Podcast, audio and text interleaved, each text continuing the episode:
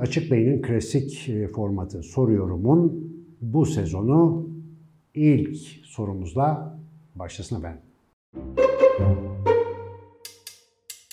E tabii ki yani biz şimdi açık beyni olarak bir soru yorum yapıyorsak en temel kavramları da tarif edeceksek doğal olarak ilk gelmesi gereken soru beyin nedir?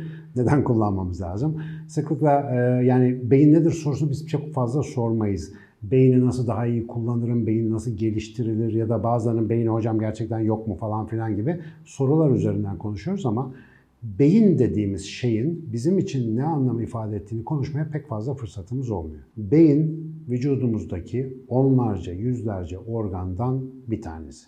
Fakat bizim için özel bir tarafı var. İnsanın fabrika ayarları serisinde uzun uzun anlatmaya çalıştığım gibi insanı bu dünyada bu zayıf ve çıplak bedenine rağmen bu kadar hakim ve etkili bir organizma haline dönüştüren, yüz binlerce yıldır tabiatın o zorlu koşullarında soyunu bir şekilde tüketmemeyi başararak bugünlere gelmesini sağlayan en önemli yeteneğimiz zihinsel güçlerimiz, aklımız, zekamız, hayal gücümüz vesairemiz. Bunların ise bugün 21. yüzyılda bildiğimiz kadarıyla bedenimizdeki en önemli merkezi şu kafamızın içerisindeki şekilsiz, tuhaf, yamuk yumuk, yağlı, sulu, biraz da böyle çirkin bir et parçası. Bu et parçası organlardan bir organ ama ilginç bir şekilde kendine isim koyabilen tek organ mesela.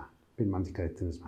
Yani karaciğerinizin bir gün çıkıp ben karaciğerim dediğini duymamışsınızdır ama beni konuşturan şu anda benim beynim ve kendi üzerine sohbet edebilmeyi beceren, kendisine isim koyup tanımlamalar yapabilen tek organ. Zihinsel faaliyetler dediğimiz biraz böyle karanlık bir kutu olan, ucunu bucağını çok bilmediğimiz o engin iç dünyamızın kontrol merkezi gibi. Nereden biliyoruz bunu? Bu organa ufacık bir hasar gelirse biz birçok zihinsel melekemizi geri dönüşsüz şekilde kaybedebiliyoruz.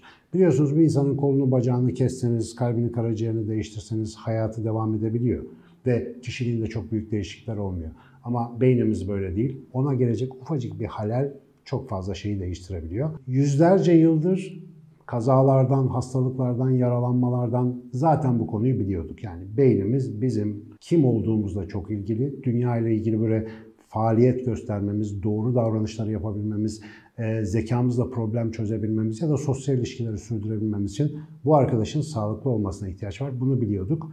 Ama özellikle 21. yüzyılın başından itibaren nörobilim dediğimiz bir alanın gelişmesiyle de hakikaten bizi insan yapan bu en önemli parçamızın bize neler kattığını ve bizim için ne anlama geldiğini daha fazla öğrendik. Fakat açık beyin için, o açık beyindeki beyin var ya, sonra onu da konuşacağız zaten açık beyin ne. Ama o beyin bu et organdan daha fazlası. Bizim burada bir organ olarak işte fizyolojik karmaşık mekanizmalara sahip bir sistem olarak konuştuğumuz beyin aslında bizler için yani bizim gibi eğitimciler, yeni zihinsel modeller ya da yollar açmaya çalışan insanlar için çok faydalı bir metafor. Neden faydalı bir metafor? Beynimizin işlevi, fizyolojisi, değişebilirliği, öğrenme kapasitesi, evrimsel süreçleri gibi birçok alandan aldığımız bilgiler aslında günlük hayatımızda neden böyle olduğumuzu ya da neden şöyle olamadığımızı bize çok farklı açılardan anlatabilme potansiyeli taşıyor. Bilirsiniz ben böyle hep beyin anlatırım ama şimdiye kadar hiçbirinize aksondan, dendritten, aksiyon potansiyelini oluşturan voltaj kapalı hızlı sodyum kanallarının kuantumsal kinetiklerinden bahsetmedim. Sinir bilimlerinde böyle çok fazla teknik detay var, devasa bir alan. Ama biz beyinde neden bahsetmeyi seviyoruz ve istiyoruz? Hangi tür bilgi bizim işimize yarıyor? Bu beyin denen organ ne işe yarar? Ve bu beyin denen organ aslında ne için yapılmıştır?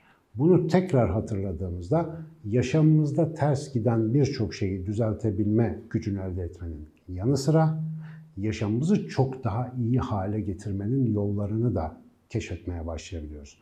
O yüzden biz beyni, açık beyin olarak, en başta da ben baya baya bir metafor olarak kullanıyorum. Tabii böyle bir şeyi metafor olarak kullanabilmek için sevgili dostlar, 25-30 senedir çalışıyorum ve okuyorum. Yani bir kuantum fiziği kitabı okuduktan sonra iyi ve güzel yaşamın kuantumsal karşılıklarını bulmaya çalışan metaforlarla biraz ayırt etmenizi tavsiye ederim. Çünkü bu meseleyi bir metafor yapacak kadar içselleştirmek biraz zaman alabiliyor.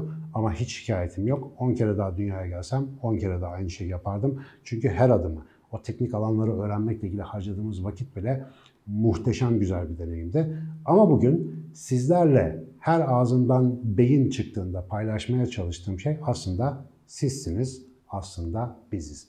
Bizi insan yapan özelliklerin ve fakültelerin evi olarak beyin bizi bize anlatan çok güzel bir konu.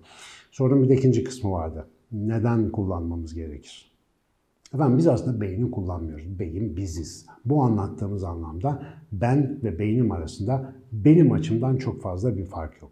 Fakat beynimizin bazı katmanları ve katları var. Bunları defaatle daha önceki soru yorumlarda da daha önceki derslerimizde, televizyon programlarımızda çok çok anlatmaya çalıştık. Ama çok özetle bir dürtüsel hayvani otomatik bölümümüz var.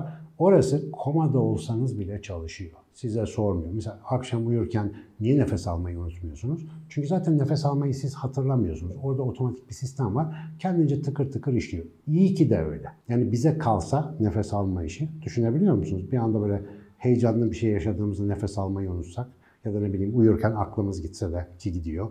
Nefes almamız dursa hayatımız sona gelirdi yutma, kusma, iç organların çalışması, hormonların salınması bunun gibi içsel faaliyetleri zaten kendi kendine yapan bir sistem var.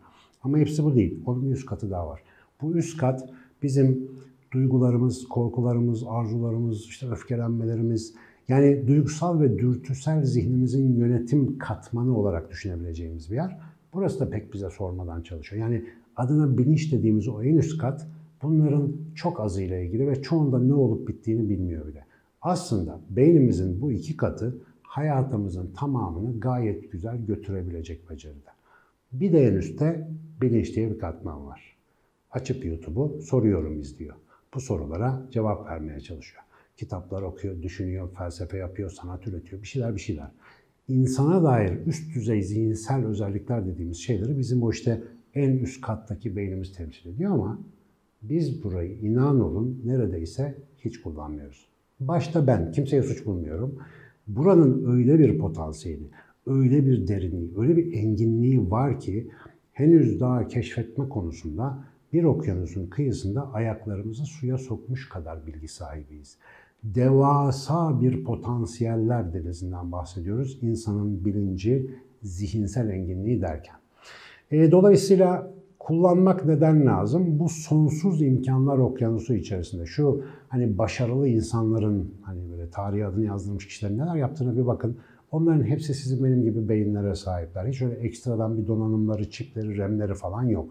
Doğuştan dahi falan büyük oranda yalan bunu biliyoruz. Böyle bir dahilik diye hani görevi üstümüzden atmamızı sağlayacak bir bahanemiz de yok ona göre. Einstein'ın beyni benden 270 gram daha hafifmiş mesela. Kendimi iyi hissetmeme hiç sebep olmuyor bu. Çünkü adam eksi 270 gram hafif bir beyinle neler yapmış.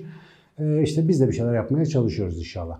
Bu potansiyeli keşfetmek ve hayatımızı yaşarken bu potansiyel içerisinde olabildiğince genişlemek bana sorarsanız, açık beyine sorarsanız insan olmanın temel hedefi. Yoksa herkes yiyor, herkes içiyor, herkes ürüyor, herkes çöp üretiyor. Herkes bir şeyleri çok rahat yapıyor. Ama çok azımız bizi insan yapan, bizi yüksek yapan o özellikleri sınırları zorlayarak hem bizi hem de insanlığı başka bir yere taşıyacak yeni yollar açabiliyor. Bizim derdimiz bu. O yüzden beyin önemlidir çünkü siz çok önemlisiniz.